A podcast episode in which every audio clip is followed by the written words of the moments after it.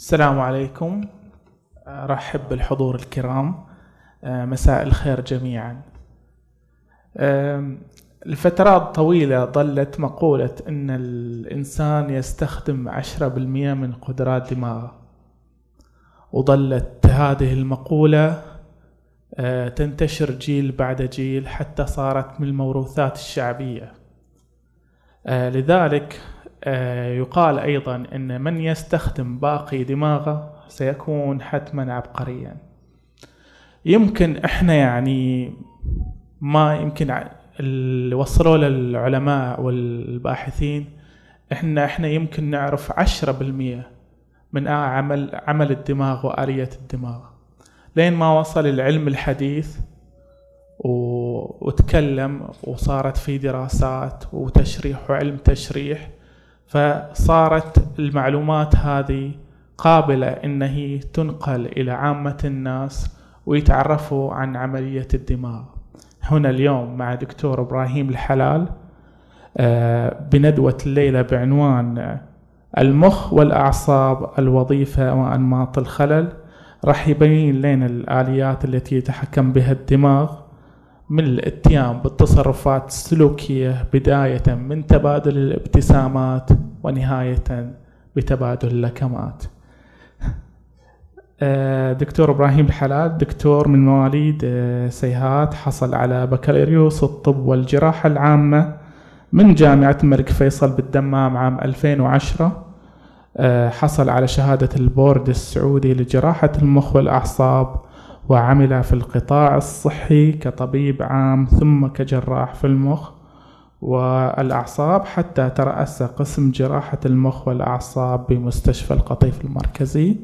دكتور إبراهيم تفضل لكم الكلمة. شكرا. السلام عليكم. يعطيكم العافية. في البدء طبعا صعب جدا تكلم بعد فوتوغرافي وأدب وفلسفة. وبعدين مخ وأعصاب تغيير شوية لل mood. إن شاء الله يكون بالنسبة لكم ممتع غير ممل. أه، شكرا لأبو هادي الأستاذ جعفر الشايب على الدعوة وشكرا للأخ مالك فتيل. ما أشوف الأخ مالك موجود والله إنه هو اللي رتب أي لأنه هو اللي رتب المحاور وكذا. فكان طبعا في البداية كانت الفكرة عرض أمراض المخ والأعصاب وكذا بس ال- الجماعة أصروا على تشريح المخ الأعصاب وكذا. فإن شاء الله يكون بالنسبة لكم غير ممل يكون ممتع. أتمنى تكون محاضرة تفاعلية. يعني لو في أي شيء صعب عليكم أو شيء ممكن إنه تكون شيء تفاعلي أفضل من إنه تكون كأنها إلقاء محاضرة يعني.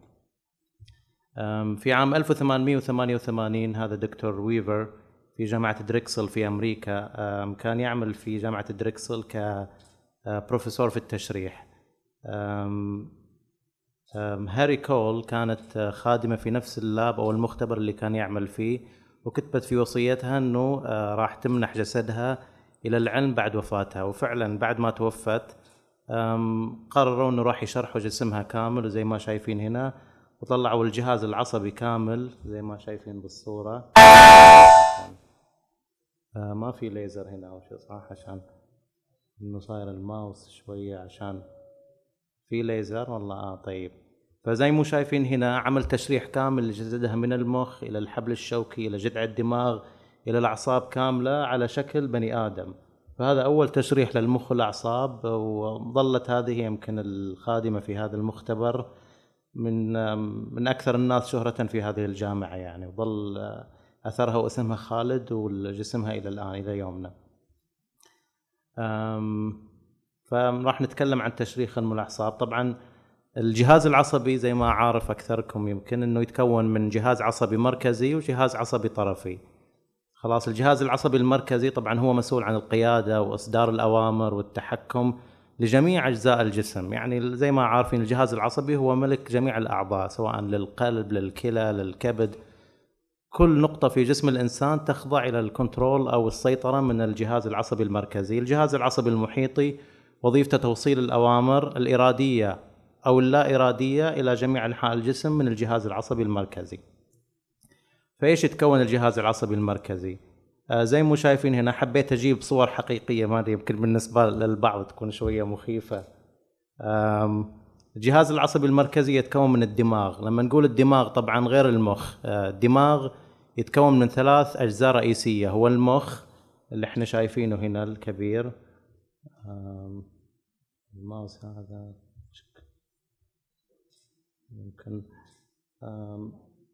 ممكن ممكن أو خلاص خلينا قاعدين. إيه، مشكلة لو في فالمخ طبعا المخ هو اللي هنا اللي يبين اللي فوق ال ال يعني عندنا المخيخ والمخ وجذع الدماغ. المخ هذا هو المخ هنا لو شايفين الماوس. طيب. المخيخ بعد كده يجي هنا تحت وبعدين جذع الدماغ. فهذا هو الدماغ. فالدماغ غير المخ والمخيخ وال يعني الدماغ آه، يكون هو يتكون من المخ زي ما قلنا والمخيخ وجذع الدماغ. بعد كذا طبعا يجي عندنا اللي يوصل المعلومات من المخ إلى جميع أنحاء الجسم. هو زي ما عارفين الحبل الشوكي يبدأ من الرقبة إلى نهاية الفقرات العجزية. هذا هو الحبل الشوكي هنا. يطلع عندنا من مخرج الجمجمة إلى حد ما يوصل إلى الفقرات الصدرية والقطنية والعجزية. فزي ما قلنا هنا هذا هو الدماغ كامل زي ما شايفين عندنا المخ فوق. المخيخ هذا الصغير okay اللي يكون هنا في خلف الجمجمة. وبعد كذا جذع الدماغ. الدماغ طبعا زي ما شايفين يعني كل تلافيف في الدماغ وكل يعني حفر في الدماغ أو تلافيف لها اسم معين واسمها معروف ومذكور يكون سواء بين الجراحين أو بين باطنية الأعصاب. كل واحد من هذه الأمور لها وظيفة معينة ولها اسم معين يتعارف عليه الأطباء الأعصاب. زي ما شايفين هذه صورة شوي معقدة لبعض تشريح المخ يعني كل الشرايين الصغيرة هذه بعض حتى الشرايين الصغيرة فقط ترى بالمجهر الجراحي ولها أسماء معينة ولها وظائف معينة. يعني أي مشكلة في الشرايين هذه ممكن ينتج عنه خلل كبير في الجهاز الدماغي. طبعا المخ اللي تكلمنا عنه آه نعرف إن المخ الجزء اليسار أو الجزء اليمين مثلا من المخ يعمل كنترول أو تحكم بالجزء اليسار والعكس يعني تكون معكوسة. فلما واحد لا سمح الله مثلا تجي له جلطة أو نزيف بالجزء الأيمن من المخ عادة يتأثر الجزء الأيسر والعكس صحيح. خلاص؟ فزي ما شايفين كذا كل جزء يتحكم في الجزء الآخر من المخ. غير كذا طبعا كل جزء من الدماغ يعني إذا شايفين هنا هذا الأخضر والأزرق هذه منطقة المخ المسؤولة عن الحركة. فزي ما شايفين هنا مثلا الرجل تجي هنا في الوسط هنا وبعدين تجي مثلا اليد بعدين يجي الوجه بعدين يجي اللسان بعدين تجي الحنجرة. كل منطقة من منطقة الحركة تكون مسؤولة عن حركة منطقة معينة. آه، لو شايفين هنا لو ملاحظين إنه مثلا منطقة الرجل الرجل هنا مبينة كأنها صغيرة واليد كأنها أكبر. إيش معنات هذا الكلام؟ لو تشوفي هذه الرسمة سبحان الله يعني الأمور اللي حساسة أكثر في جسم الإنسان مثلا الوجه الشفايف اليد منطقتها المسؤولة عنها في المخ تكون أكبر من المناطق الأخرى. غير مثلا الرجل شوفوا منطقتها مع أن الرجل كبيرة بس بالرسمة هذه اللي مبين الرجل تشوفوا الرجل جدا صغيره لأن إحساسها مثلا ما يقارن بإحساس الشفايف أو اللسان أو طبعا اليد أكبر منطقة هي مسؤولة هي منطقة اليد يعني المسؤوله عن ال dexterity والتحكم الدقيق وكل أكثر وظائف البني آدم يسويها بيده. عشان كذا منطقتها في المخ تكون كبيرة. وحكمة أخرى سبحان الله يعني إذا تضررت مثلا هذه المنطقة اليد مثلا بورم بجلطة بنزيف أو شيء تكون فيها بقايا أخرى لأنها منطقة كبيرة في المخ مش منطقة صغيرة مثلا. منطقة الرجل ممكن أي خلل يجي فيها أو شيء خلاص الرجل كلها تروح. بس في النهاية اليد أكيد أهم من الرجل بالنسبة للبني آدم. فهذا هو تشكيل الدماغ بالنسبة للأعضاء. آه زي ما شايفين طبعا حتى هذه الرسمة الدماغ في مناطق تكون مخصصة مثلا آه حتى بالأرقام معروفة. يعني مثلا منطقة 45 و44 هذه المسؤولة عن الكلام تكون في الجزء اليسار. عشان كذا لما تجي مثلا جلطة والله لا سمح الله نزيف بالجزء اليسار يعني في 95% من البشر أو في بعض الدراسات تقول 85% المنطقة اليسار هي المسؤولة عن الكلام والسمع يسمونه الدوميننت هيمسفير أو المكان السيدي في المخ أو المسؤول عن الكلام مسؤول عن السمع مسؤول عن التفكير عن الذاكرة. فكل هذه المناطق لها أرقام معينة مسؤول عن الفهم مسؤول عن التذوق مسؤول عن الشم مسؤول عن كذا. فأي شيء يجي للواحد مثلا أي مشكلة ورم زي ما قلنا جلطة نزيف شيء يكون على حسب المنطقة اللي تأثرت في الدماغ تتأثر الوظيفة. فكل منطقة مسؤولة عنها تكون رقم من هذه الأرقام. فزي ما شايفين هنا آه، يعني هذه مثلا رسمة لو أي مناطق من مناطق المخ يصير في أي مشكلة يعطيك مثلا والله هذه فقدان القدرة على إدراك الأشياء بصريا.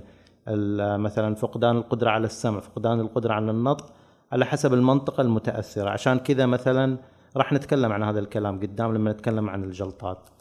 آه، المخيخ طبعا آه، تعرفوا المخيخ الموجود في خلف الدماغ زي ما قلنا زي ما قلنا مرة ثانية نعيد إنه الدماغ متكون من المخ المخيخ وجذع الدماغ.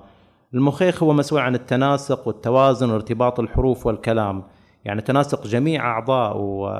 عفوا عضلات الجسم والحركات والحركات المفاصل وكذا كل هذه تنسيقها يعني كل هذه علامات تروح إلى المخيخ وهو ينسقها. يعني مثلا لما الواحد يعمل كذا مثلا هذه ال triceps يمدها زي كذا لازم المخيخ يعمل relaxation أو يرخي عضلة ال biceps عشان ال triceps تقدر تعمل اكشن فكل هذه على طول كهرباء يعني مستمرة معلومات رايحة وجاية من المخيخ والدماغ آه، والمخ عشان هذه الحركات تتناسق غير كذا طبعا حتى عضلات اللسان والكلام وكذا كل هذه مسؤول عنها المخيخ. عشان كذا لو في أي تأثر في المخيخ الواحد ممكن يكون يشتكي من يسموه سليرد سبيش أو مشكلة بالكلام. يعني يتكلم آه، كأنه أنتم بكرامه كأنه واحد مخمور. يعني يكون ما في تناسق في عضلات اللسان وعضلات الفم وكذا غير كذا يكون في آه، عدم توازن بالمشي آه، فهذه كلها وظيفة المخيخ.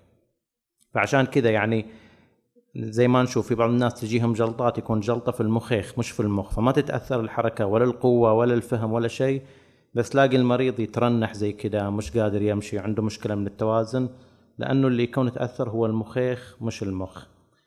جذع الدماغ جذع الدماغ أنا أعتبره كأنه ماكينة الدماغ. يعني جذع الدماغ هو البني آدم يقدر يعيش بدون مخ اللي هو اللي فوق. ممكن المخيخ لو تضرر بشكل كبير ستيل يعيش بس لو جذع الدماغ تضرر خلاص البني آدم يتوقف لأنه جذع الدماغ هو ماكينه الدماغ والمسؤول عن تنسيق كل الوظائف الحيوية المتطلبة ليعيش الإنسان وهي التنفس تنظيم ضربات القلب ضغط الدم آه، بعد كده يجي الهضم والبلع يعني الأمور حتى يعني في ناس يكونوا يسموها في حالة إنباتية أو في حالة غيبوبة بس لما يكون جذع الدماغ شغال يظل البني آدم في حالة غيبوبة بس قلبه شغال وعنده ضغط دم وفي تنفس أوتوماتيكي. يعني وكل هذا جذع الدماغ. عشان كذا لما يتضرر جذع الدماغ أو يصير جلطات أو نزيف أو شيء تعتبر هذه حالة خلاص تيرمينال أو حالة نهائية ويصعب بعدها شفاء الإنسان. ليش؟ لأنه حقيقة أخرى يمكن أكيد سمعتوا عنها إنه خلايا المخ أو خلايا الجهاز العصبي لا تتجدد. يعني كل خلية تموت ما تتجدد مش زي الجهاز الطرفي. الجهاز الطرفي أو الأعصاب لو ماتت الخلايا ممكن بعد كذا تتجدد بس الجهاز العصبي اللي يروح للأسف ما يرجع. بعد كذا طبعا يجي الحبل الشوكي يطلع من آه، من مخرج الجمجمة وينزل إلى الفقرات العجزية. الحبل الشوكي طبعا وظيفته يوصل جميع المعلومات من المخ أو المخيخ سواء معلومات الحركة معلومات التنسيق الكلام كل شيء يجي عبر الحبل الشوكي. هو المسؤول عن توصيل جميع المعلومات إلى جميع أجزاء الجسم. فهذا هو الحبل الحبل الشوكي زي ما تشوفوا. طبعا الحبل الشوكي حتى الحبل الشوكي طبعا الحبل الشوكي هنا يكون يمر في العمود الفقري عندنا من الرقبة إلى العضلات إلى الفقرات العجزية في الأخير هنا.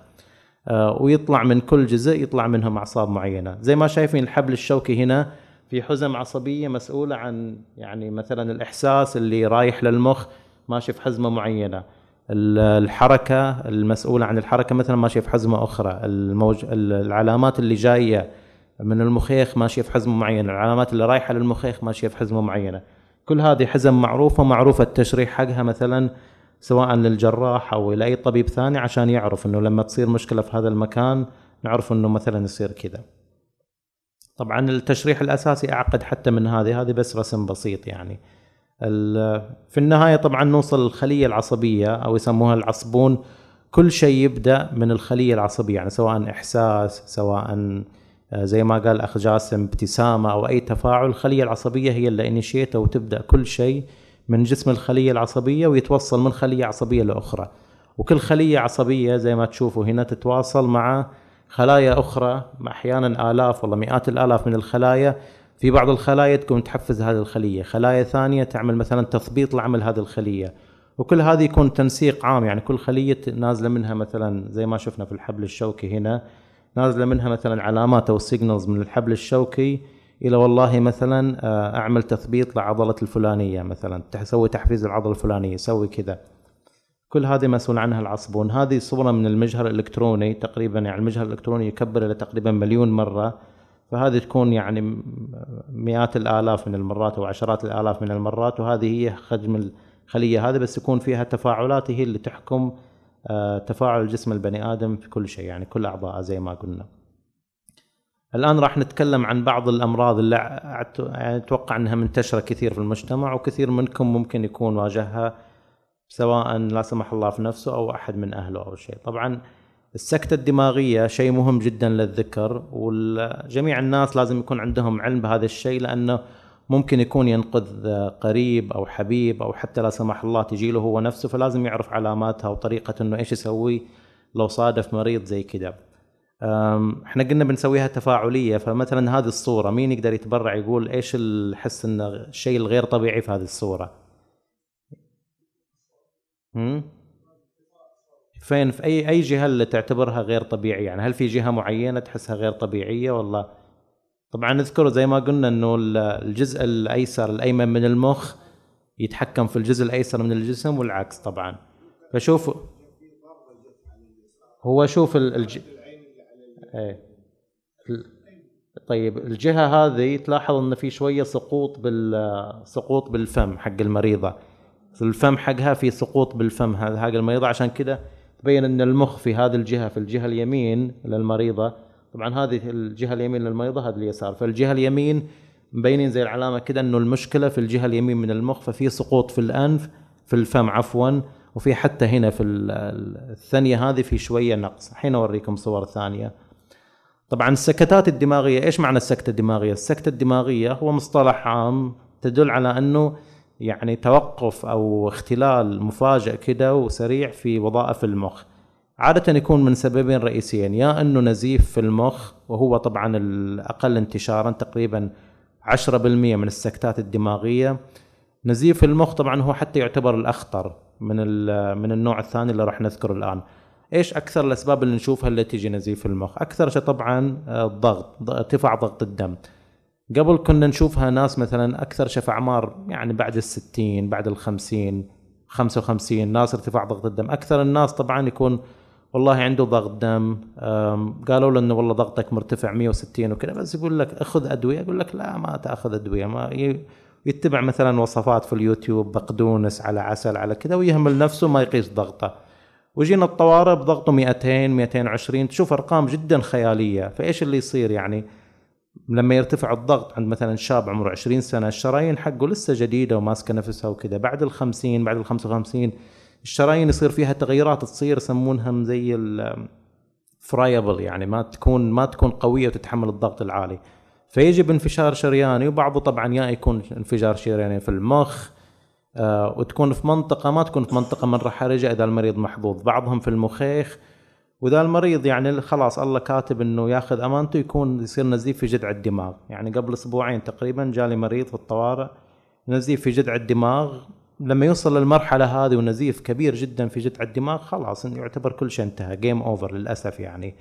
ما في شيء نقدر نسويه عشان نرجع هذا الشيء للمريض. وليش كل إنه مثلا إنه المريض كان مثلا عنده ضغط أو شيء وما انتبه لهذا الشيء؟ فهذا الشيء جدا إن يعني مهم جدا ننتبه له. حتى في الفترة الأخيرة صرنا شباب نشوف يعني ناس أعمارهم في الثلاثينات في الأربعينات يجوا بانفجار شرياني زي كذا إيش أسبابه؟ التدخين السمنة طبيعة الحياة مثلا قلة الحركة قلة النشاط البدني كل هذه أمور تشارك في النزيف اللي يصير. في أسباب أخرى طبعا هي أقل انتشارا مثلا استخدام أدوية المسيلات مثلا في ناس يستخدموا وارفرين بلافكس هذه أمور أقل بس أكثر سبب اللي نشوفه في عامه الناس هو ارتفاع الضغط السبب الثاني هو الأكثر انتشارا تقريبا 80 ل 90% من الحالات هو انسداد الشريان يعني مش إنه ينفجر شريان يطلع دم لا. الشريان اللي مغذي لمنطقة رئيسية بالمخ تجي له خثرة أو جلطة وتسد الشريان والمنطقة هذه تموت وما يروح لها دم. سببها طبعا نفس الشيء يعني ارتفاع ضغط الدم يشارك في تصلب الشرايين التدخين السمنة قلة الحركة ارتفاع الكوليسترول. كل هذا له دور في الجلطات هذه. طبعا مهم جدا إنه الواحد يتعرف على الجلطة سواء هو نفسه لو صار له لو كان واعي أو لو أحد مثلا من أقاربه موجودين ليش؟ لأنه علاج الجلطة في فترة مبكرة يعني في مثلا أول ساعة أول ساعتين في بعض العلاجات اللي تتم سواء أدوية أو إجراءات معينة ممكن تسحب هذه الجلطة. أنا أتكلم الآن عن الخثرة طبعا تنسحب هذه الجلطة أو الذوب وترجع الوظيفة لأنه ما يموت الدماغ موت كامل. لأنه في النهاية كل ما زاد الوقت إنه ما في دم كل ما خلاص الخلايا أكثر ماتت. فهذه هي العلامات اللي مهمة جدا نتعرف عليها يعني في بالإنجليزي يسمونها FAST اللي هو face arm speech و time to call ف ال face زي ما نشوف إحنا هنا الوجه المريض هذا اللي بالأسود شوفوا عنده سقوط بالفم. هذا جدا مهم. لما تشوف واحد مثلا جاله سقوط بالفم في جهة معينة أو فمه سقط أو صار له ضعف أحيانا مثلا في بعض الناس شفنا في كبار السن يقول لك والله سقط وجهه يقول روح نام وبتصير زين يلا خلاص أنت أمورك كويسة ما في كل الخير ولا أعطوه موية يشرب أو شيء. لا هذا الشيء لما يجي زي كذا لازم على طول المريض يروح الطوارئ لأنه شيء جدا خطير وغالبا تكون علامات جلطة. الثاني ارم أو اليد لما تشوف المريض عنده ضعف بأحد جسمه أو تقول له مثلا في عنده شيء غير طبيعي تقول له ارفع يدك ويرفع جهة والجهة الثانية ما تكون كويسة. صار له مثلا لا سمح الله جلطة باليمين ما راح يقدر يرفع يده اليسار. فتشوفه في الصورة هنا سواء اللي هنا عند الأحمر شوف المريضة هذه مو قد ما قادرة ترفع يدها بشكل كامل عندها سقوط في الفم. فهذه علامة أخرى. العلامه الثالثة الكلام. إذا في تغير في الكلام أحيانا زي ما قلنا الجزء اللي ايسر هو المسؤول عن الكلام ومسؤول عن النطق. فلما المريض يصير له مثلا ممكن ما يصير عنده ضعف بس يصير عنده تأثر في الكلام. تشوفوا ان الم... يعني القريب اللي عندك في البيت أو شيء ما يقدر يتكلم كلامه شوي ضعيف تعطيه جملة وتقول له عيدها أو تعطيه جملة من كلمتين أو ثلاث كلمات وتشوف ما يقدر يقولها. هذا غالبا علامه جلطة ولازم على طول تأخذ الطوارئ. فتكلم الهلال الأحمر أو تأخذه على طول الطوارئ. من العلامات الأخرى للجل خصوصا الجلطات يعني النزيف أكثر هو الصداع. يعني كمثال جانا مريض قبل أسبوعين تقريبا برضو شاب عمره تقريبا 30 سنة كان يشتكي من صداع لمدة خمسة أيام الصداع قاعد يتزايد راح أحد المستشفيات قالوا له إنه خذ مسكن وكذا. يعني إحنا عندنا قاعدة لما مريض يجي الطوارئ لما الصداع يخلي مريض يروح الطوارئ لازم يعمل له أشعة للمخ. طبعا في النهاية أكيد يخضع لتقييم الطبيب اللي شافه بس أحيانا ما تعمل مثلا أشعة راح أعطوه أدوية وكذا مسكنات وظل عنده صداع صداع قاعد يزيد لمدة خمسة أيام. بعد كذا جانا بحالة تشنج بحالة إغماء أو غيبوبة وكانت طبعا لما وصل بعد ما تسوت أشعة المقطعية وكذا كانت في حالة تقريبا موت دماغي كامل. وشاب وما كان عنده أي أمراض أو شيء. فاحيانا لما في صداع يتزايد صداع غير طبيعي لازم الواحد يتوجه للطوارئ. ممكن يكون علامة خطرة لأمر معين قاعد يحصل في المخ. فإيش هي زي ما قلنا عوامل الخطورة حق سواء النزيف أو الجلطات هي ارتفاع ضغط الدم التدخين السمنة السكري ارتفاع الكوليسترول قلة النشاط البدني وغير كذا المرضى اللي يأخذوا مسيلات للدم. يعني إذا أحد يعرف مثلا يكون أحد كبير في العائلة أو أحد مثلا عاملين قسطرة في القلب أو شيء أكثرهم يأخذوا مسيلات للدم سواء الأسبرين أو البلافكس. فهذول كثير عرضه ان يجيهم ذا الشيء. يعني لو أي شيء صار له صداع أو أي ضعف أو شيء على طول لازم يتوجه للطوارئ أو يكلموا الهلال الأحمر. آلام الضغط هذه خلصنا من ما في أي حد عنده أي سؤال على هالموضوع السكتة الدماغية والله. طيب ممكن لما نخلص. طيب آلام الظهر والرقبة وآلام الأطراف. أكثر الحالات اللي نشوفها في العيادات هي أكثر الناس تجي. يعني يمكن كثير منكم هنا أو جزء أكيد زار يوم من الأيام طبيب عشان ألم ظهر أو راح أحد مع مع أحد من اقاربه عشان والله واحد يكون عنده الام رقبة الام ظهر والله الألم ينزل على الكتف على الأطراف مثلا على الرجل. جدا شيء منتشر وما يعتبر شيء مخيف أو ما يعتبر شيء مقلق يعني. هذه مثلا صورة العمود الفقري هنا لو شايفينها هنا نفس هذا العمود الفقري. العمود الفقري مكون من عدة أمور مو يعني في ناس تقول لك جالي ألم ظهر أنا خلاص عندي ال disc. حتى كلمة ال disc مو شيء مخيف إنه لو أحد بالغلط قال لك عندك disc أو شيء عادي مو نهاية العالم يعني. ولا كل disc يحتاج عملية. 10% فقط يحتاج عملية. 90% ما يحتاجوا أي شيء. فالعمود الفقري أو الظهر عنده في عدة أجزاء. يعني لو زي ما شايفين هنا في مثلا العضلات. في الأربطة اللي بين الفقرات أربطة كثيرة جدا.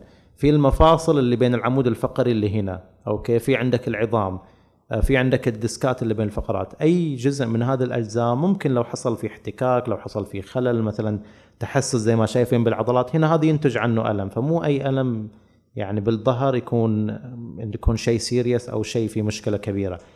متأكد أكثر الناس اللي هنا أو جزء كبير جالهم في يوم من الأيام آلام كانت قوية جدا وراحت. أو مثلا آلام مزمنة ظلت شوية وخذوا علاج طبيعي وتحسنت. فآلام الظهر شيء منتشر. في بس علامات معينة هي اللي تخلينا شوية نقلق أكثر ونطلب أشعة أكثر. زي مثلا لما تكون آلام الظهر تنزل على أحد الرجلين على شكل كهرباء على شكل خدران.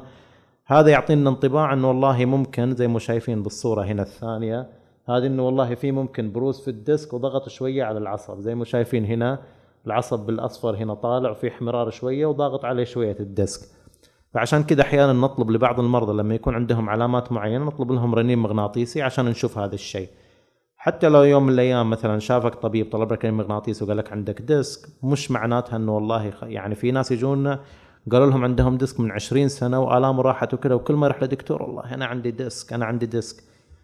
الديسك هذا شيء يعني شيء في الأشعة وصف الأشعة بس لما المريض يصحى منه كثير منا يمكن لو نعمل أشعة رنين مغناطيسي راح نلاقي ان عندنا ديسكات بارزة وضاغطة شوية على العصب. يعني حتى في دراسة تسوت شافت إنه 80% أو 70% من الناس اللي ما عندهم أعراض أصلا يكون في شوية عندهم بروز في الديسك في بعض يعني في بعض المستويات ويزيد طبعا مع العمر. يعني اللي عمره 60 أكثر من اللي أعمارهم أصغر من كذا. فهذا شيء ما منه خوف أكثر المرضى 90% ما يحتاجوا عملية يحتاجوا فقط علاج طبيعي ومسكنات وكذا. بعض الحالات الثانية طبعا اللي تجي في الظهر زي ما شايفين آخر صورة يكون تخلخل في الفقرات يعني في فقرة راكبة على فقرة زي كذا وشوية تزيح تعمل هذه آلام ظهر مزمنة وتعمل ضغط على العصب شوية الأصفر اللي طالع. بس هل يحتاج عملية في كل الحالات؟ ما يحتاج عملية في كل الحالات نفس الشيء يكون علاج طبيعي والعمليات فقط تكون في حالات جزء معين من اللي ما يتحسن على العلاج الطبيعي والعلاجات التحفظية. فبشكل عام مشاكل الظهر الخط الأول عندنا هو العلاج التحفظي مش العلاج الجراحي. يمكن ملاحظين شيء مو الكل أكيد يعني. لما أتكلم عن المستشفيات الخاصة مثلا يجوا لي واجد مرضى من القطاع الخاص أكيد مو كل الأطباء في القطاع الخاص كذا بس في مجموعة إنه أول ما يشوف المريض حتى لو كانت الامه مو شديده يجي المريض يقول لنا والله نصحوني بعملية على طول. عملية على طول إذا كانت فقط آلام خفيفة وكذا ولسه بادية ما ننصح فيها كثير. أول شيء علاج تحفظي وبعد كذا العملية تجي بعد العلاج التحفظي. ممكن طبعا يحصل تضيق في الفقرات هذه أحيانا يحصل في كبار يعني ما بنقول كبار السن نقول بعد الستين بعد ال 65 سنة كثير من الناس يحس إنه في مثلا لما يمشي شوية مسافة يحس إنه تنميل خدران بالرجل يحس إنه والله المسافات اللي يمشيها قلت عن أول أول يقول لك والله أنا أمشي كيلو كيلوين ما عندي مشكلة. الحين من أمشي شوي أحس رجلي تخدر تنام ولازم أقعد شوية وأثني ظهري والآلام تتحسن. فهذه موجودة عند كثير من الناس ممكن تكون علامة لتضيق الفقرات القطنية. يعني في شوية تضيق وضغط على الأعصاب فيحصل هذا الشيء. كثير منهم طبعا يتحسنوا على العلاج التحفظي أو على العملية يكون في تحسن كبير. نفس الشيء بعد الفقرات لما يكون طبعا تضيق في الفقرات العنقية في الحبل الشوكي هنا أكثر المشاكل تجي في اليد.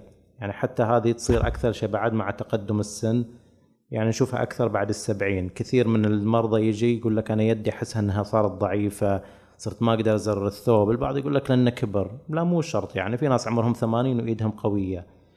فلو صار شيء من هذه الأمور يعني تحس إن اللي واحد صارت اليد ضعيفة ما يقدر يزر الثوب ما يقدر يمسك شيء يقول لك الأغراض تطيح من يدي. هذا يمكن يحتاج إنه يراجع طبيب أعصاب يمكن يطلب له رنين مغناطيسي لأنه العملية ممكن تحسن هذا الشيء لو إنه عنده تضيق في الفقرات. طبعا العمليات بعضها عمليات الديسك نعملها الآن يعني تكون مو زي أول الناس تقول لك يعني حتى لو بعضهم مثلا عنده ديسك وما تحسن العلاج التحفظي والبعض يعاني من الآلام وكذا يقول لك طيب عملية يقول لك لا والله ما أسوي عملية وتلاقي مسكين متعذب مو قادر يمشي. العملية مو رعب يعني العملية يمكن أول كانت آه فتحات. دكتور 10 دقائق باقي خلاص ما بخلص شو مو مشكلة. آه، العملية طبعا الآن ما صارت فتحات كبيرة. فتحات زي ما شايفين الأنبوبة هذه. فتحة صغيرة تقريبا 2 سم أو 1.8 cm وتكون الجراحة بالميكروسكوب الجراحي وحتى المريض يطلع نفس اليوم من المستشفى. يعني ما يحتاج ينام في المستشفى. كسور العمود الفقري آه، كسور العمود الفقري هل كلها يحتاج عملية؟ طبعا المملكة العربية السعودية يعني في آخر دراسة تسوت آه، تقريبا يعني من أعلى الحالات كسور العمود الفقري في العالم كله سواء كسور العمود الفقري أو إصابات الحبل الشوكي بسبب الحوادث. الدراسة هذه كانت قبل ساهر يمكن آه، ما أذكر كانت عام كم. الآن قلت الحوادث نلاحظ عن أول يعني أنا لاحظ عن قبل عشر سنوات قلت بكثير.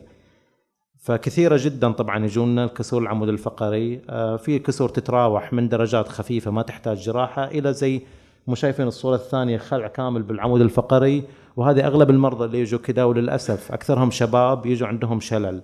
يا إنه لو صارت في الفقرات القطنية هنا تكون شلل بالرجلين كثير يعني تلاقي عمره بالثلاثينات عمره بالعشرينات وشلل تام لأنه خلاص انكس كان يسرع 200 والله شيء. الله يحمينا وياكم إن شاء الله ويكون عنده شلل أو لو كان كسر بالرقبة يكون شلل رباعي خلاص لا يحرك يده ولا يحرك رجله. فهذه بالنسبة لكسور العمود الفقري في الملك الأكثرية ما يحتاج عملية جزء معين فقط هو اللي يحتاج عملية تثبيت وتخفيف ضغط الفقرات. زي ما شايفين هنا لما يكون كسر بالرقبة كثير منهم يجوا شلل رباعي يعني حتى ما يحرك يده ولا رجله فيظل على ويلشير لطول عمره يعني من الكسر. طيب في نوع هذا اللي ذكرناها قبل هذا الكسور يسمونها الرضحية أو الكسور من الحوادث وكذا. هذه كسور الهشاشة مهم جدا ونشوفه كثير يعني بعد السبعين خصوصا النساء. تعرفوا منطقتنا كثير في نقص في فيتامين د والكالسيوم وكذا عندنا مشاكل خصوصا يعني النساء أكثر من الرجال ملاحظينها. عشان كذا البعض تشوفه لما يكبر يوصل 70 80 يقول لك ظهره حدب وصار ظهره زي كذا. هذه ليش؟ لأنه يصير عاده مو شرط إنه في ضربة أو شيء أو طيحة لأنه صار كسور. عاده يصير يعني اللي يسمونها osteoporotic fracture أو كسور الهشاشة لوحده كده مع الحركة مع الروحة الجية الفقره تقعد تنخفض زي كده وتجي لها كسور فيصغر. يعني زي كده يصير الواحد مع العمر أقصر ظهره يتحندب زي كده يصير بعض كبار السن يشتكي من آلام مزمنة قوية في الظهر فيكون صار لهم كسور كده معينة. فهذه لازم اللي يحس مع الكبر بآلام كثير بالظهر وكذا ممكن تكون كسور هشاشة زي ما شايفين بالصورة. هنا هشاشة العظام وهذه طبيعية. فهذه لازم يعني يروح الطبيب ويعملوا له أشعة مقطعية للظهر ويتأكد إنه ما في كسور الهشاشه ولها علاجات معينة طبعا. أورام الدماغية الله يجنبنا وياكم السوء. طبعا الأورام الدماغية ممكن تكون أورام بدائية طالعة من المخ أو نسيج المخ نفسه أو الأكثر الحالات تكون أورام منتشرة من مكان آخر من مثلا بعيد الشر عنكم ورم بالكبد ورم بالقولون ورم بالرئة تكون ورم منتشرة وهي الأكثر انتشارا في الكبار يعني. أورام المخ آه، إحنا طبعا في المخ لما نجرب ما نقول سرطانات ما عمر جراح مخ أعصاب يقول سرطان. ليش؟ لأنه تقريبا يعني عندنا 130 نوع جزء كبير منها أورام حميدة. يعني عندنا الأورام تقسم لأربع أقسام من الدرجة الأولى إلى الدرجة الرابعة. كثير من الأورام اللي نشوفها تكون درجة أولى وثانية هذول أورام حميدة أكثرهم مع العملية يتحسن المريض وممكن الورم ما يرجع بعد كذا. الأورام الثالثة والرابعة طبعا الأورام الرابعة تكون أورام مرة شرسة وتحتاج علاج كيماوي وشعاعي وكذا حتى ال يعني أكثر المرضى يعيشوا سنة والله سنتين بعد بعد الأورام. فكثير منها يعني لو لو واحد لا سمح الله من أهله تشخص بورم أو شيء ما يقلق وكذا مو نهاية الحياة لأنه جزء كبير من الأورام تكون أورام حميدة وتشفى مع الجراحة. طبعا الأكثر الحالات تحتاج استئصال جراحي عادة الاستئصال الجراحي يكون نفتح جزء من الجلد.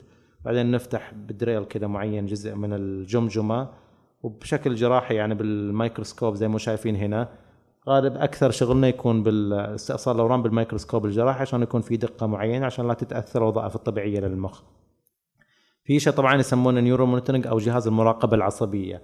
يعني زي ما شايفين هنا هذا المريض كأنه نايم على بطنه كذا ويتثبت راسه بالدبابيس هذه أو بالمسامير وفي ال wires ات هذه اللي طالعة من المخ ورايحة للجهاز هذا اللي يكتب اللي تحت لأنه تكون يراقب مناطق الحركة مناطق النطق أو مناطق مثلا مناطق معينة. أكثر شيء طبعا تكون مراقبه الحركية. لو قرب منها مثلا الجراح أو كانت في احتمال إنه يضرها أو شيء تطلع علامات معينة عشان يبتعد عنها. فهذه يسمون أجهزة المراقبة العصبية عادة تستخدم في الأورام.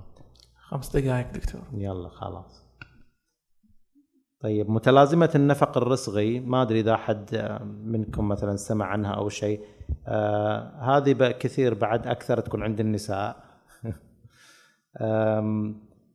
متلازمة النفق الرسغي عادة تكون الإحساس يعني أذكر جدي الله يرحمه لما كنت صغير كنت كله أشوفه يسوي. ما فهمت كله كذا ويده تألمه مسكين بالليل. فما فهمت هلا لما صرت جراح مخ وأعصاب عرفت ليش كان يسوي كذا. أكثر المرضى يحسوا بالليل كذا أكثر شيء وقت النوم يحسوا بآلام هنا في الكف تنميل خدران يدهم تنام كذا خصوصا لما يشتغلوا في شيء معين. النساء كثير منهم يزيد عندهم مثلا مع الحمل آه لما يقطعوا يقول لك أشتغل في البيت وكذا أحس رجلي تخدر تنام. هذه غالب الظن تكون في هنا العصب الأوسط يمر في رباط هنا يضغط على هذا العصب الأوسط ويسبب هذا الشيء. شيء منتشر جدا موجود كثير في الناس في المجتمع. علاجها طبعا في البداية ما يكون علاج جراحي يكون علاج تحفظي. نوصف للمريض هذا اللي هو دعامة الرسغ يحطها بالليل لمدة ثمان ساعات وكثير يتحسن عليها. اللي ما يتحسن عليها الجراحة جدا فعالة في مثل هذه الأمور. يعني الجراحة عادة طبعا نعملها تحت تخدير موضعي. المريض ما يتنوم يجي في نفس اليوم يخرج تكون زي ما شايفين الفتحة هذه 3 سنتي تأخذ لها تقريبا ربع ساعة. ينفتح هذا الرباط هذا الضاغط اللي ضاغط على العصب بس نفتح الرباط هذا بطريقة معينة وبعدين نقفل كأنه ناقص البرزنتيشن آه.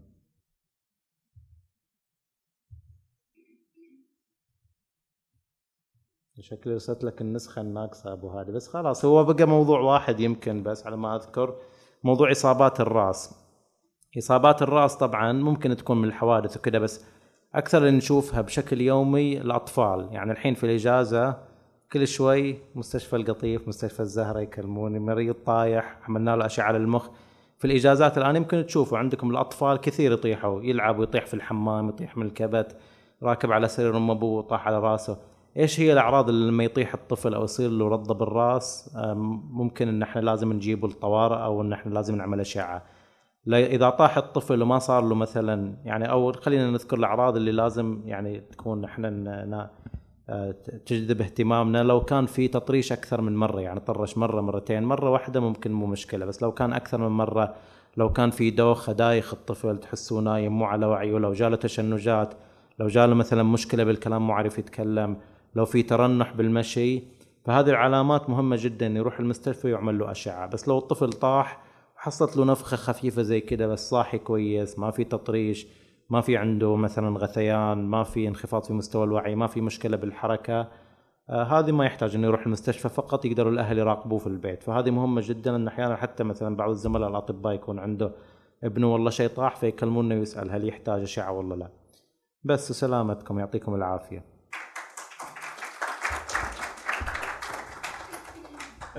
دك شكرا دكتور يعطيك العافية. آه، بصراحة يعني معلومات قيمة. إن شاء الله مو مملة بس. آه، يمكن التشريح شوي صار آه، يعني معلومات واجد صارت خصوصا إنه يعني جزء معقد نعم. من جسم الإنسان فطبيعي بيكون بهالطريقة يعني بس كانت جدا مفيدة. يعني عملت لنا نعاش للفرشمنت للمعلومات. من مادة العلوم أو الأحياء يعني. بالضبط. أنا أقول كاني هذا واحد من الشباب عندي الطبيب جراح عام شاف قال أنت من صدقك بتعطيهم هذول؟ هذول مو طلاب طب ترى. جايين يبغوا يسمعوا أمراض وكذا. الحين بنجهز للأسئلة. نتمنى إن كل سؤال يكون له دقيقتين عندنا 40 دقيقة. تفضل. السلام عليكم. السلام ورحمة الله وبركاته. الله يحفظك ويسلمك يا رب. في سؤال عندي على آه، طفل. نعم. بعد ما ولد آه، حسينا على إنه ما يقدر يتكلم بشكل جيد. بعدين آه، بدات بدينا نعرف على إن نسبة الذكاء عنده متدنية جدا. لما كبر صار نسبة الذكاء عنده في مقياس يقول 72 اي كيو نعم. بعدها طبعا في الدراسة ما كان جيد. آه، بعدها لما كبر صار ثمان سنوات بدأت تجي صرع ال epilepsy ال epilepsy كان يجي أول شيء. focal ال epilepsy بعدين generalized وتطور تطورت المسألة الآن. الآن في مزروع إلى جهاز في ان اس في ان اس أيوه. أيوه على أساس إنه يخفف عليه المسائل لأن أدوية ما صارت تفيد. أنا سؤالي هنا كيف يحدث هذا الشيء للطفل؟ إيش الأشياء اللي سببت هذا الموضوع؟ هذا التخلف العقلي اللي جاء وبعدين كيف تحدث عملية التشنجات؟ يعني عملية الصرع كيف تحدث؟ يعني كنا إحنا الأول يقول لنا جن بس نبغى نعرف رأي الطب في الموضوع نعم الكيمستري مع الإلكتريسيتي إيش إيش دورها في الموضوع؟ طيب عادة طبعا الله يسلمك الحالات هذه اللي يكون مثلا في قلة بالذكاء أو شيء ممكن يكون لها أسباب كثير عدة أسباب. بعضها مثلا ضمور في المخ لأسباب معينة أسباب جينية يعني سواء التشنجات أو قلة الذكاء. أحيانا في بعضهم تعمل مثلا أول ما يولد الطفل تعمل رنين مغناطيسي تشوف مخه إنه في ضمور مش زي مثلا أقرانه وتشوف إنه في variation أو abnormalities أو شغلات مش طبيعية مثلا. يعني مثلا هذه التلافيف الدماغية اللي قلنا عنها في البعض مثلا ما تشوف التلافيف بحجم الصحيح اللي تشوفوا تشوفوا لا يا انها والله مرة كبيرة واجد يا انها مرة صغيرة. ففي كثير من الشغلات ال abnormal أو الشغلات الغير طبيعية اللي تشوفها في الدماغ في لها أسباب كثير. أكثرها يا تكون أسباب جينية مو شرط يكون شيء منتشر في العائلة أحيانا يكون جين طفرة جينية أو mutation أو شيء. بس إنه لو تعمل له complete كذا genetic studies أو اختبار كامل للجينات تلاقي إنه في شيء غلط في الجينات.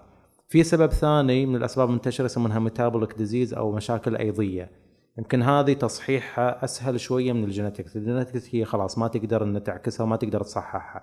المشاكل الايضيه في يعني بعض تاخذوا كثير من الإنزيمات وكذا المسؤولة عن تنظيم كهرباء المخ وتنظيم الأعصاب وكذا.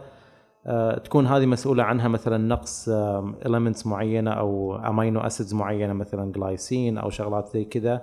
هي اللي تسبب بعدين abnormal abnormality أو مشكلة في هذا اللي قلنا عنه العصبون. شفت اللي هو الخلية العصبية اللي عرضناها؟ إيش تكون مشكلة التجنس؟ لو شوف هنا الخليه شوف الخليه العصبية زي ما قلت هذه تكون متوصله بخلايا كثير. في بعضها مثلا بعضها يسمونها excitatory أو خلايا محفزة أو inhibitory خلايا مثبطة. فالتنظيم المخ مثلا منطقة معينة نجي لمنطقة الحركة مثلا.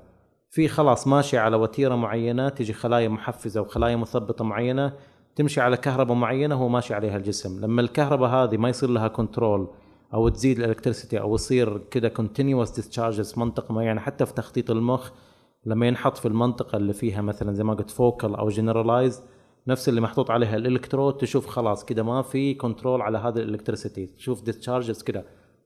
الطبيعي إنه يكون discharges كده طبيعية بس لما تشوفها كده يسمونها non synchronized لأن الطبيعي إنه يصير synchronized يصير في تناسق بين ال discharges حق المخ.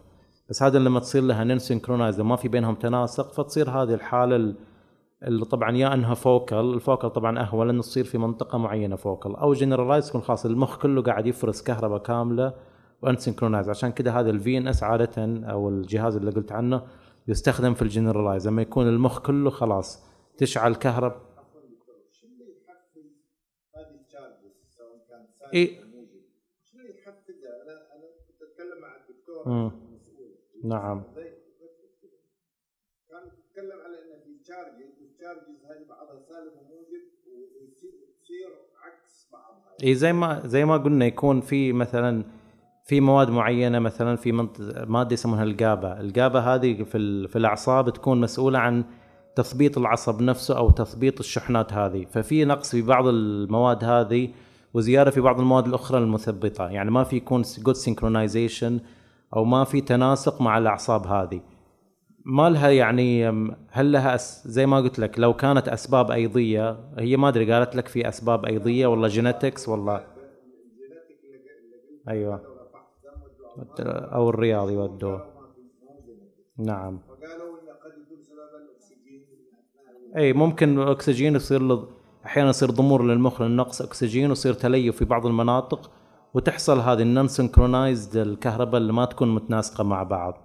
فهذه تكون سببها. كل هذه تشوف لو انت زي ما شايف العصبون هنا الكهرباء اللي مرة فيه ما تكون فيها تناسق إنه ما يكون اللي هو ال inhibitory وال excitatory ما يكون متناسق مع بعض فتصير ال charges هذه ال continuous الأدوية هذه اللي تعطى كثير منهم اللي ما تفيد معاهم الأدوية بعد كذا يسمونهم palliative procedures أو شغلات بس تلطيفية تقلل من زي المحفز هذا يقلل من الشحنات اللي تكون excitatory اللي تكون تحفز فيزود. ما للأسف ما في علاج معين. بعد ما يتعدى مرحلة معينة ما في علاج معين. إيه، دكتور في مداخلة في الزوم؟ وين الزوم؟ آه طب نطلب منكم بس لو تكرمتوا أي واحد بيسأل سؤال يعرف بنفسه لو سمحتوا بس عفوا في مداخلة في الزوم بعدين تفضل.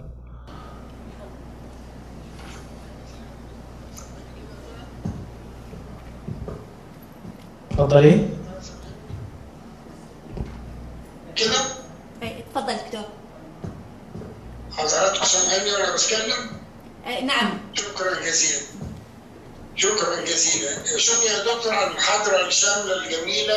أنا اسمي محسن توفيق أستاذ هندسة في مصر وأتكلم من القاهرة وبشكر حضرتك على المحاضرة الجميلة ديت. والحقيقة أنا كنت أسأل حضرتك يعني دايما في الهندسة والطب بنتعاون مع بعض في هذا المجال ال biomedical engineering وكده. وكنت عايز أشوف إيه الأفاق الجديدة آه، في علاج المخ.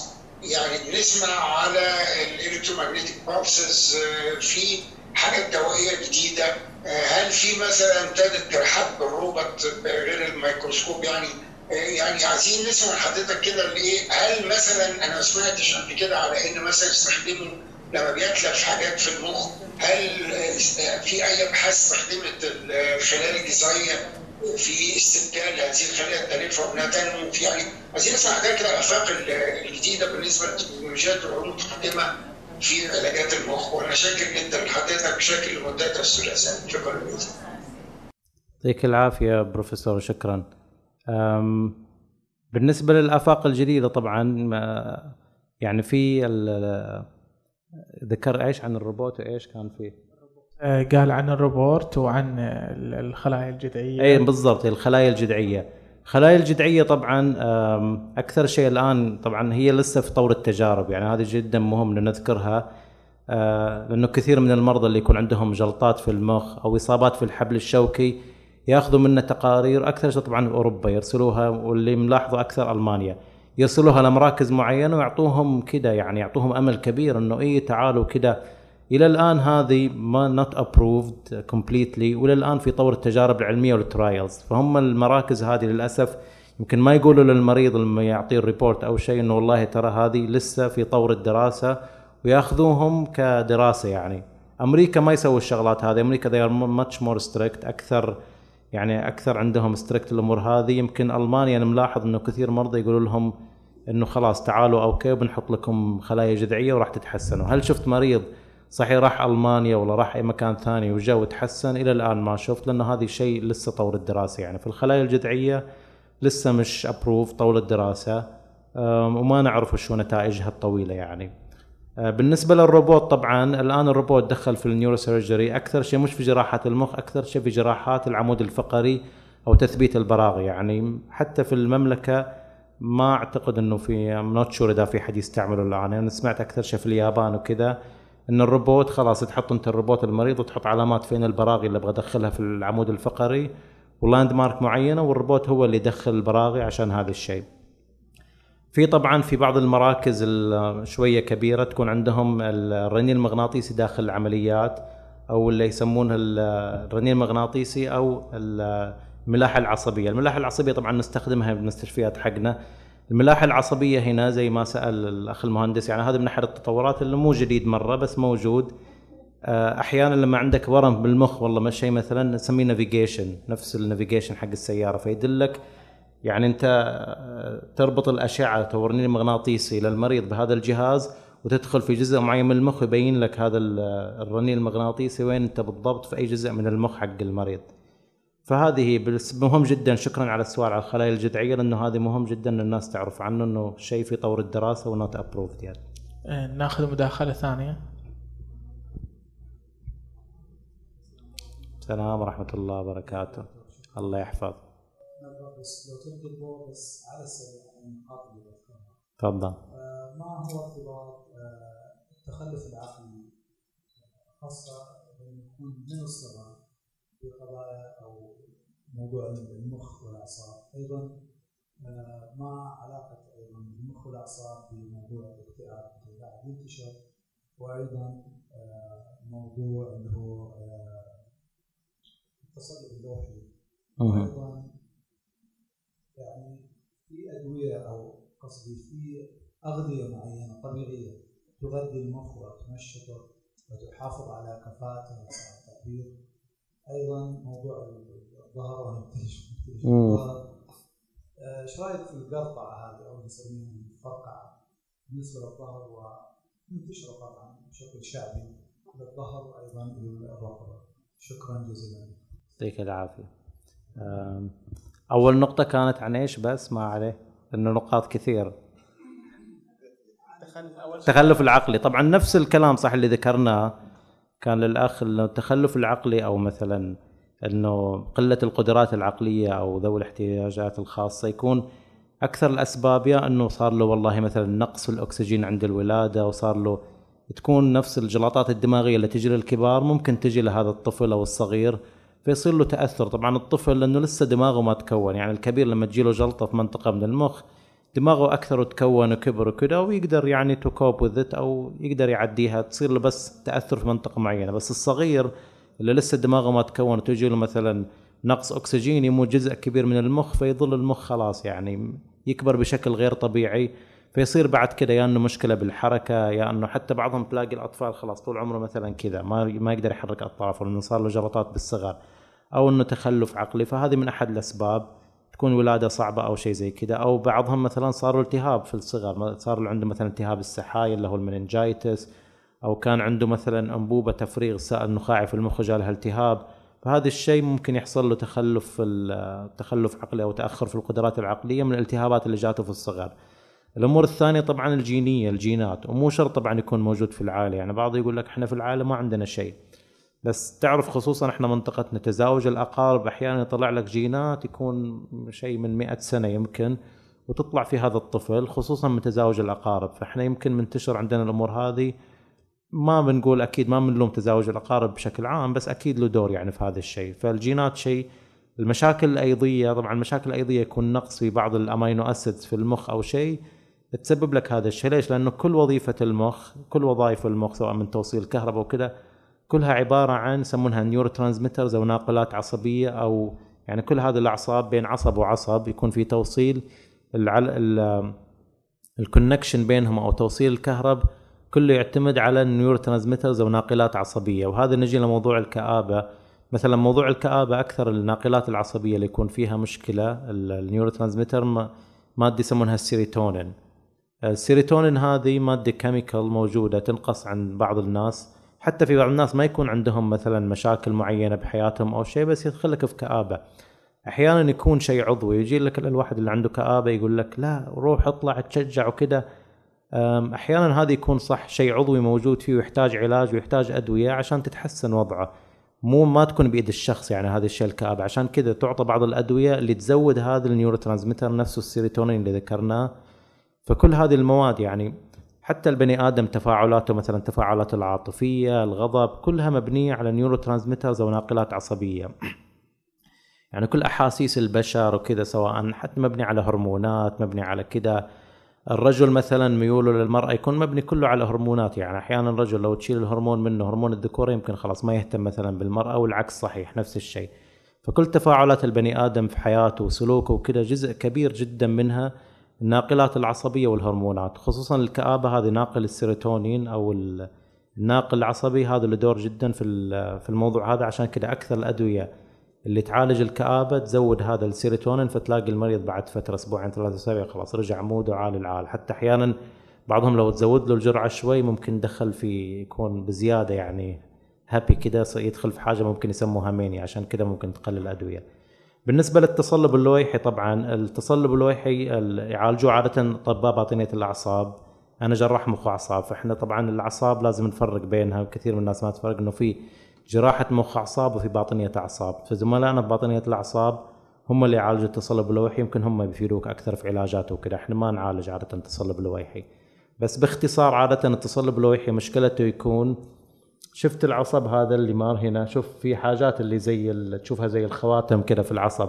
هذه يسمونها مادة المايلين أو مادة اللي تغلف العصب مادة المايلين هذه مادة يكون زي المادة الدهنية أو ليبيد. هذه تغلف العصب عشان تسرع الشحنات العصبية. عادة التصلب اللويحي يكون في مشكلة في هذه المادة المادة هذه تتحلل أو الجهاز المناعي نفسه يحارب هذه المادة ويصير مشكلة في نقل الأعصاب. وأجين يعني نفس الشيء كل هذه المشكلة نرجع إلى العصبون أو الخلايا العصبية. فهذه المشكلة تكون في التصلب اللويحي هل في شيء إنك تاكله أو شيء يزود أو يحسن اللي هو الجهاز العصبي؟ ما في شيء شفت عليه شيء علمي موجود أو عليه إثبات أو شيء ينصح فيه صح؟ إذا كان واحد مثلا عنده نقص فيتامين بي 12 أو بي 12 إي طبعا ينصح ياخذ فيه. يعني في أطباء يمكن لو بعض المرضى يروحوا لهم كل واحد عنده ألم بالظهر كل واحد متألمين راح صقع فيتامين بي 12 وهذا مو شيء صحيح لأنه المفروض ما أعطي بي 12 إلا إذا سويت تحليل وشفت فيه نقص بي 12 لأنه بي 12 له دور كبير بالجهاز العصبي عشان كذا المرضى اللي يكونوا vegans أو يكونوا اللي هو النباتيين عادة يكون عندهم نقص فيتامين بي 12 لأنه أكثر يكون مصدر حيواني يكون من اللحوم وكذا. آه، فعادة مكملات لو واحد عنده نقص في شيء معين ده ما عنده نقص ما يحتاج يعني. هي الأمور اللي ذكرناها لتجنب مثلا الجلطات النزيف الأمور هذه هي يمكن الرياضة تجنب الدخان تجنب مثلا ال junk food تجنب السمنة ال control حق ضغط الدم هي هذه الأمور المهمة. شكرا. آه ناخذ مداخلة الأخ بس عرف بنفسك. أي آه. ما علي آسف. مساك الله بالخير حياك الله. دكتور إبراهيم حبيبي المحاضره أكثر الله يسلمك شكرا. شكرا للأستاذ وهذه اتاح الفرصة تغير شكل الثقافة نعم. الشكل الثقافي للشكل العلمي والطبي سؤالي دكتور وسيم تفضل. عن الالتهاب العصب السابع نعم. هل هو فيروسي أم نتيجة عدم تنسيق الخلايا العصبيه؟ هذا سؤال. طبعا هذا ال- إيه الله يسلمك. شكرا على السؤال. جاك أنت العصب السابع ولا جا أحد من أقاربك ولا؟ طيب طبعا قبل كانوا يقولوا يعني حتى فيها درست واجد هذه فيها اختلاف علمي حتى هذه إنه هو هل هو ذا سبب فيروسي أو سبب مناعي. أكثر ال يعني أكثر الآراء العلمية تقول إنه مش سبب فيروسي وهذا فقط شيء زي المناعي يعني إنه جهاز المناعة أو شيء يصير له بطريقه معينة هو اللي يسبب هذا الضعف في الجهاز ال- في العصب السابع. عشان كده حتى من الأدوية اللي تعطى هو الكورتيزون اللي يثبط جهاز المناعة. عادة يعطى course ممكن إلى خمس أيام ولا 10 أيام الكورتيزون. وأكثر المرضى يمكن شفت اللي صار له قريبك تحسن بعد فترة. فغالبا مش فيروسي. بعض يقول لك والله جاني برد مثلا في العصب. ما له علاقة البرد في العصب. يعني أكثر يكون شيء مناعي ويصير هذا الشيء بعدين بعد فترة يتحسن. بعد ما بعد ما ياخذ المريض الكورتيزون. أنا أعتذر لك آه، ال- تفضل بس عرفني بنفسك وتفضل المداخلة الله يعطيك العافيه الله يعافيك. اولا اشكر منتدى الثلاثاء ان اتاح لنا الفرصه الاستماع إلى محاضرتكم الجميله التي لا تخلو الا بالفائده الجميله. آه، أخي العزيز دكتور في أحد الأصدقاء آه، كان عنده طنين في الأذن كثير نعم ومر على مسيرة مع اخصائي الأذن ومر على الرنين المغناطيسي. فيما بعد قال الأخصائي الأذن ما عندنا علاج هذه مشكله مشكلة دماغية. فما أدري كيف آه، هل وصلت لك هذه المعلومة. آه، طبعا صعب إن الواحد يحكم إيش عنده المريض كذا فقط من سؤال بسيط زي كذا بس عادة لما يجي طنين في الأذن المريض أكثر شيء يروح لأطباء الانف والاذن الحنجريه يفحصوه. في طبعا علامات معينة وأمور معينة تدل إنه هل ممكن من المخ أو ممكن من الأذن. أكثر المرضى طبعا اللي تصير لهم عادة يكون من الأذن ما يكون شرط إنه من المخ بس في يعني في بعض الأمراض المعينة مثلا لما يجي ورم في في أورام معينة تضغط تكون طالعة من المخ وتضغط على العصب السابع أو أو العصب الثامن عفوا العصب السمع.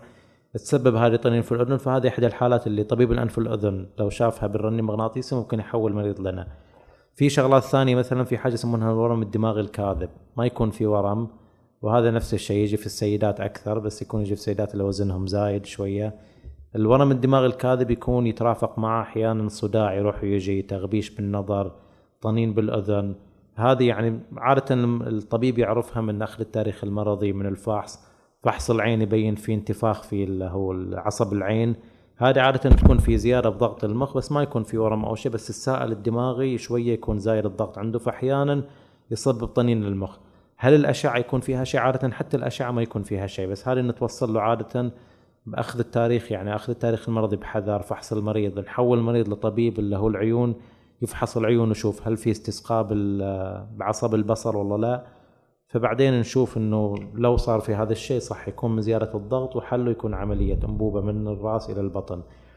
فهذه أكثر الحالتين اللي يكون لها علاقة بالمخ. بس أكثر الحالات يعني ما إذا ما كان الأشعة كويسة ما كان في آه، اعتقاد أو ما كان في آه، شك إنه في ارتفاع في ضغط المخ أغلب شيء تكون من الأذن. فهذه طبعا يبغى له الواحد يكون صعب إن الواحد يشخصه بس من كلام زي كذا. عفوا. في مداخلة في الزوم معلش آه، يقول آه، السلام عليكم ورحمة الله آه، incidental third ventricle colloid size and incidental radic size عند اكتشاف هذا هذا الشيئين في المخ ذاكر الحجم كم ولا؟ لا مو ذاكر هل يدعو ذلك للقلق وما هي للقلق وما هي نصيحة الدكتور حاليا؟ المداخلة مباشرة مم. إي طيب. أكيد مو مم.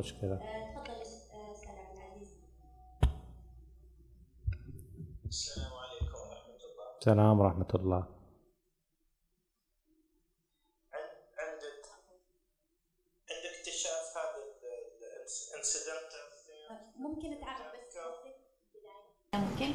دكتور دكتور عبد العزيز الحميدي تفضل. عند عند تشخيص اللي هو ال- وجود incidental third ventricle colloid cyst إضافة إلى incidental Rathke's cyst هل هذا يدعو إلى القلق أو آه، وش نصيحتك في التعامل مع هذا الشيء؟ يعني وهل مؤثرة هي على على البصر و ولا والى إلى إلى شابة في في العشرينات من العمر؟ طيب يعطيك العافية على السؤال شكرا. طبعا آه، تعتمد كثير هذه نشوفها بس تعتمد always على الحجم. على حجم الاثنين يعني كثير من ال incidental colloid cyst تكون حجمها صغير ما تكون كبير.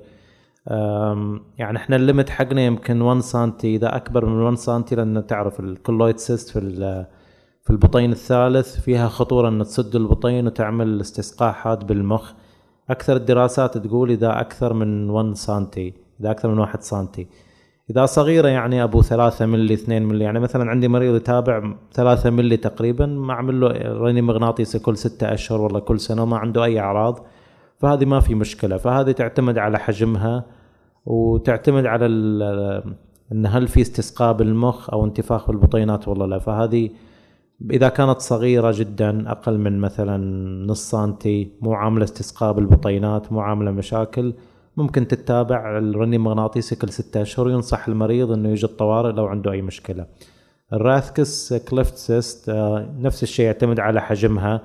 أحيانا لو كانت كبيرة ممكن تضغط على عصب البصر. لو ضغطت طبعا أي مريض Rathke's cleft cyst لازم تحوله للطبيب العيون عشان يفحصه ويعطيك إنه والله يكون حتى بعد كده لو كانت صغيرة ومو عاملة ضغط على العين وما قاعدة تكبر بعد كده متابعة مع طبيب العيون كل ستة أشهر. ومتابعة رنين مغناطيسي كل ستة أشهر. لو كبرت طبعا أي واحدة منهم سواء ال colloid أو ال Rathke's لازم عملية. آه طيب ندخل ناخذ مداخلة. تفضل الأخ بس تعرف بنفسك.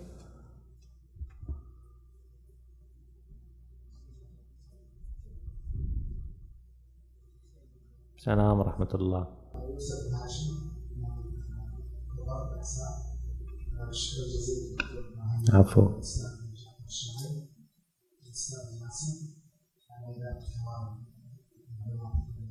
أنا سؤالي بس. لا نسمع. سؤالي الآن إحنا يعني توجه بما يدل على الوقاية شو؟ يعني لما يتقدم الواحد في السن من امراض الزهايمر وباركنسون أو الامراض اللي تصير مع تقدم السن امراض الضوئيه هل هناك إجراءات ونصائح من اطباء الأعصاب؟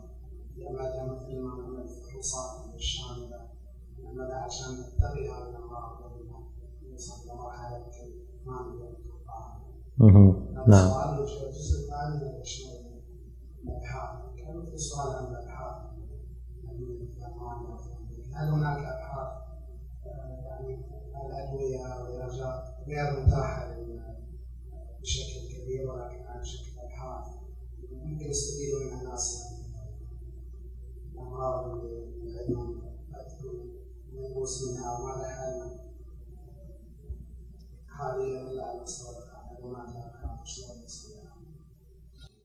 طيب شكرا. أم، بالنسبة طبعا ي- طبعا إذا تتكلم عن الأمراض اللي مع السن وكذا مش أكثر الأمراض اللي نشوفها هي الزهايمر أو باركنسونز مع أن أكثرها تكون already في ال genetics وصعب إنك تقي منها بس مو مو هي أكثر الأمراض اللي نخاف منها مع الكبر زي ما قلت أكثر الأمراض اللي نشوفها إذا بتكلم عن الجهاز العصبي آه، واللي يعني تحدث تدهور كبير للمرضى هي الجلطات الدماغية والسكتات سواء قلة تروية الدم أو النزيف الدماغي. عشان كذا يمكن شوي طولت في شرحها. يعني لو تشوف كمية الحالات اللي تيجي بالطوارئ الآن مش حتى مع تقدم السن الآن تشوف شباب أعمارهم في الثلاثين في الأربعين سنة. هذا الشيء ما كان موجود قبل وتشوف هذا الشيء يعني. نزيف دماغي جا لشاب عمره 30 سنة وأنهى حياته. جلطة دماغية نفس الشيء جا لشاب وخلاه مقعد أو مشلول شلل نصفي.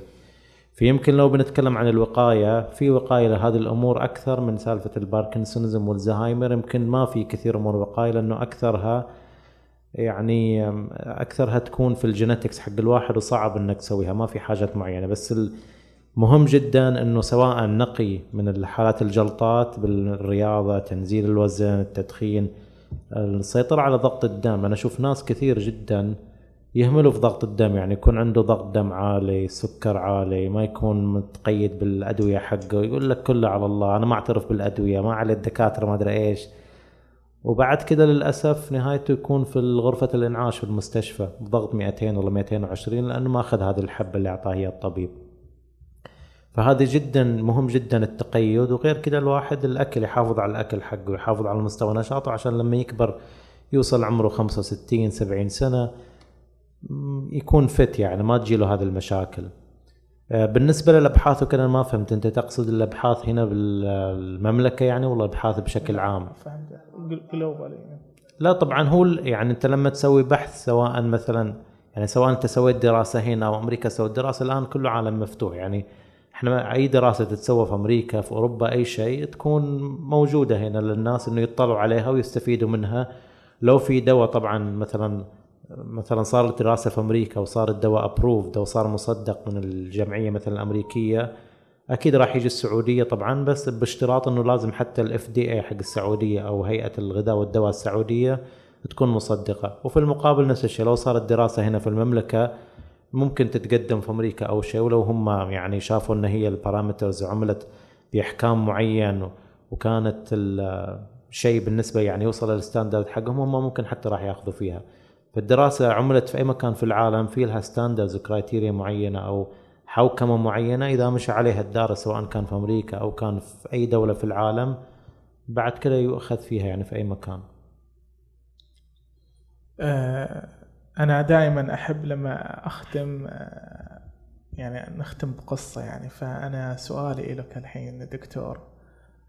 نبغى تعطينا قصة عن حالة أثرت فيك يعني سواء إيجابيا أو سلبيا يعني أو أنك تأثرت فيها يعني. والله صعب الحين أجيب لك. قلت لي عنها قبل كذا ورطني. قصص واجد المشكلة أي واحد أختار منهم. والله قصص كثير بس أكثر شيء طبعا اللي تأثر كثير الحوادث. يعني يمكن يمكن قصة إلى الآن أذكرها أكثر من قصة بس يمكن يمكن اني كنت توني بادي الطب وكذا وتوني داخل جراحه حتى قبل ما أصير يعني قبل ما أدخل مخ الأعصاب قبل يمكن 11 سنة ولا حاجة زي كذا كانت طفلة عمرها ثلاث سنوات أو سنتين زي كذا وطلعت كذا أهلها كانوا داخل وفتحت باب الشارع وطلعت وضربتها سيارة. فجابوها الطوارئ كانت على خلاص يعني على نهايتها حتى صار لها كذا توقف في القلب وصار لها إنعاش تقريبا 45 دقيقة يعني عادة الانعاش يكون نص ساعة. بس أحيانا لما نحس إن مريض إحنا كلنا يعني أحيانا نتفاعل حتى مع المرضى عاطفيا. لما نحس إن إحنا المريض هذا ما نبغى نستسلم نطول ل 45 دقيقة لساعة بس ما كان في فايدة. الله يرحمها توفت يعني. فطلعنا كنا مضطرين نطلع برا لأمها وأبوها نقول لها إنه ما قدرنا ننعشها. فكان جدا وضع مؤثر يعني. حتى البنت كانت في عمر بنتي يعني. فحسيت إنه شيء مؤثر يعني. الواحد أحيانا يعني بعيد الشر عنكم وعن السامعين يحس إنه إنه الشيء هذا كأنه يحس إنه والله كأنه هذه في عمر بنتي يحس إنه يعمل ريفلكشن إنه لعائلته أو شيء. فكان مرة شيء مؤثر يعني الأم انهارت والأب وكذا والعيلة كلهم انهاروا. وكثير طبعا الآن يعني يمكن الواحد مع التقدم كذا سنوات كذا ممارسة الطب يشوف حوادث وكذا أكيد طبعا الجانب العاطفي لسه يكون موجود بس إلى حد ما صار الواحد يتعود صارت مناظر يومية. وللاسف شباب كثير يجوا يعني أعمار العشرينات الثلاثينات تلاقي سايق 200 ولا 160 إلى الآن حوادث السيارات وإذا ما توفى بيظل عنده شلل رباعي أو يظل على عربة طول عمره. فشيء جدا محزن يعني. فعلى يوندي يعني لما تشوف الحالات هذه وتشوفها ما تحسنت حتى هذا يعني يمكن أحيانا حتى يأثر على نفسيتنا يعني إنه تشوف الحالات اللي هذه ما تتحسن وكذا والشباب يصير لهم شيء زي كذا بس. هذه هي الكارير حقنا. أكيد. آه، يعطيك العافية دكتور. وشكرا للمداخلات و... واستمتعنا معاكم. ما أدري الدكتور أكيد يعني تفاعله وردة فعله أكيد استمتع بالمشاركة. أكيد طبعا. آه، شكرا يعطيكم العافية. والحين في له توقيع الكتاب حق الاستاذه أسماء أبو 50 تفضلوا.